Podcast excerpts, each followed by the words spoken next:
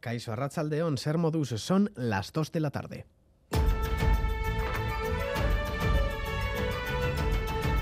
Crónica de Euskadi con Lier Puente.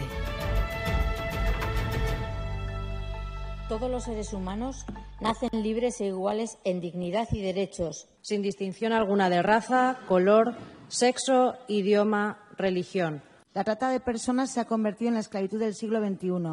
La tortura es un conjunto de prácticas físico-psíquicas humillantes y degradantes. Hoy se conmemora el, el 74 aniversario de la Declaración Universal de Derechos Humanos con varios actos. Uno de ellos, este que escuchamos en el Parlamento de Navarra, donde han leído los artículos de este importante texto. Ha sido un acto institucional en el que su presidente, Unai Ualde, ha subrayado la necesidad de introducir su cumplimiento en la agenda política de todos los gobiernos. En la búsqueda del desarrollo sostenible, todas las instituciones tenemos tareas pendientes para cumplir con estos derechos. Sin embargo, mientras haya pobreza, exclusión y desigualdad, tendremos mucho que hacer para la mejora de los derechos humanos.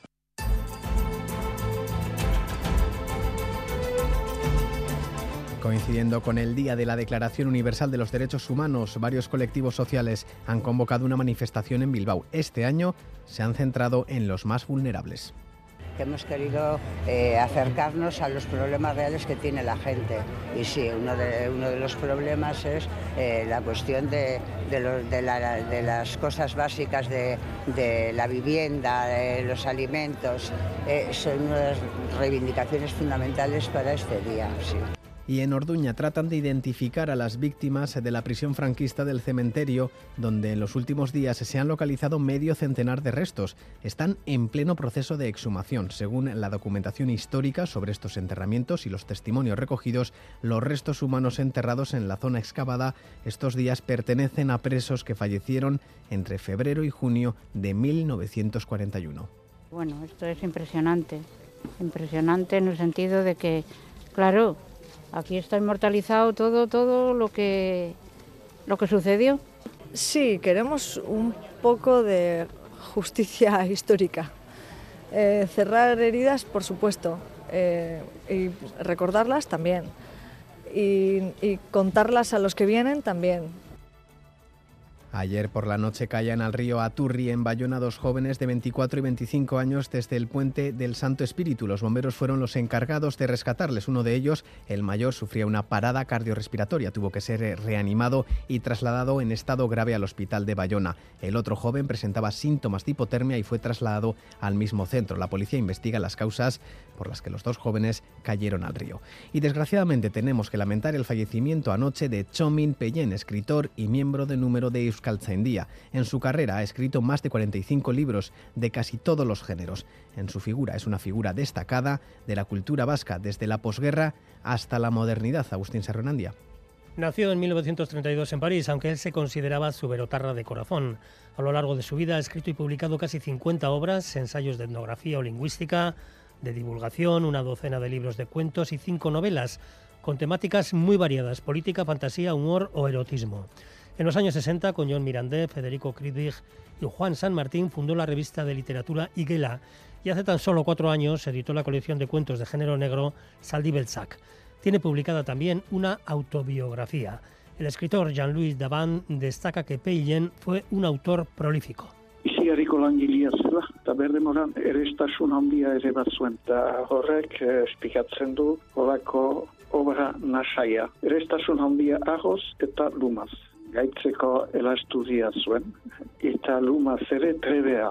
En 2009 recibió el premio Manuel Lecuona de Eusko Ikakskuntza en reconocimiento a toda su obra.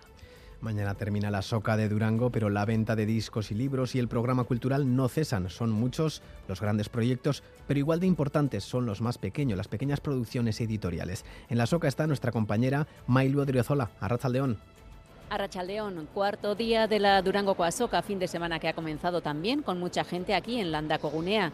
Gente sí, pero con espacio para poder mirar y consultar los libros y los discos. Los creadores más conocidos continúan con largas colas para conseguir esa foto o esa firma tan deseada. Destaca Pello Reparaz con su proyecto ZETAC, uno de los artistas que más gente está congregando en esta feria. También los grupos ETS o Bulego. En el ámbito literario hemos visto, por ejemplo, Arcaiz Cano, Jon Arreche o Toti Martínez de Lecea firmando mucho. Pero en Durango hay de todo y hay libros y discos de creadores que se tienen que autoproducir o comparten espacio en la feria con otros artistas conscientes de la importancia que tiene estar en esta plaza para darse a conocer. Escuchamos a la escritora Elordi García, a la pedagoga y creadora Nerea Mendizábal y a Paule, miembro del grupo Arima, bajo el sello Bomberenea. Etortzen gara autoekoizle moduan elkarte bezala, e, ba, izugarrizko plaza delako Durangoko azoka guretzat ezagutzera emateko gure gure lanak, ez? Ondo, gustora ni lehengo aldiz da olako txoko bat hartzetela neuretzako eta egia esan ba gustora disfrutatzen. Gaur guri tokatu zaigu, baina bueno, aurreko egunetan beste taldeak egon dira hemen, orduan bai txandaka eta bueno, pixkat baita bastokatz gozatzen eta jendea ezagutzen. Y continúa la programación cultural aquí en Landaco Gunea y en los espacios eh, Sagugambara, Irudienea o Aochenea. Esta misma tarde Adur Larrea, Anari o José Luis Otamendi presentarán sus trabajos. Se homenajeará al escritor fallecido Iñaki Segurola en el Museo de Durango y como citas musicales destacamos los conciertos de Bengo y Odei que cerrarán la programación esta noche en Plateruena. Es que ricasco Mailu de repasar la actualidad deportiva se encarga nuestro compañero John Zubieta, León. Hola Rachaldeón, la Real Sociedad ha disputado un amistoso ante el Rayo Vallecano después de la renuncia del Anderlecht. Chema Oliden resume este encuentro finalizado en tablas. Adelante, Chema. León, en efecto, ha concluido el primero de los dos encuentros amistosos que va a disputar la Real Sociedad antes del retorno a la competición oficial. Hoy el rival es el Rayo Vallecano. Resultado final: Real Sociedad 1, Rayo Vallecano 1. Gol de la Real en el minuto 8 a cargo de Alexander Sorlov, rematando de cabeza un servicio desde la derecha de Alex Sola. Y el empate llegaba en el minuto 27 por mediación de Enteque después de un error de Zubiorre a la hora de atenazar el esférico. Lo noticiable, en cualquier caso, al margen de resultado, es la recaída en su eh, aspecto físico de Carlos Fernández, el sevillano, que no tiene suerte y que 24 minutos después de saltar al terreno de juego, otra vez con problemas en la parte posterior del muslo de la pierna izquierda, tenía que abandonar el terreno de juego de forma prematura.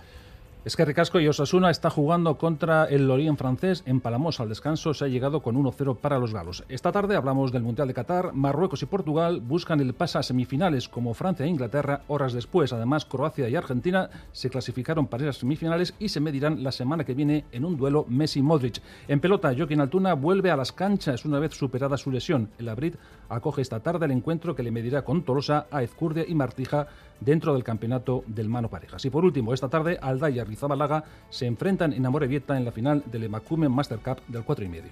Conozcamos también la previsión meteorológica de Euskalmet de la mano de Jonander Arrillaga, Arraza León a Racha León. En lo que resta de día, en general va a ser poco probable que llueva. Seguiremos con intervalos nubosos, con más nubes en Vizcaya y Álava y claros más en el este. Lo más destacable esta tarde va a ser el frío y es que las temperaturas seguirán siendo invernales y a últimas horas del día puede helar de nuevo en puntos de Álava y Navarra. Mañana domingo seguiremos con un ambiente frío, las temperaturas no van a cambiar demasiado y de nuevo se pueden dar heladas de madrugada en la mitad sur. Por lo demás, durante gran parte del día el cielo va a estar nuboso y de forma ocasional puede llover algo, sobre todo en Álava y Navarra, pero de caer la lluvia va a ser en general bastante débil. Así que el de mañana será un día nuboso y frío. Reciban un saludo de los compañeros y compañeras de redacción que hacen posible este informativo, también de Jorge Ibáñez y Aitor Arrizabalaga desde la parte técnica. Son las 2 y 8 minutos. Comenzamos.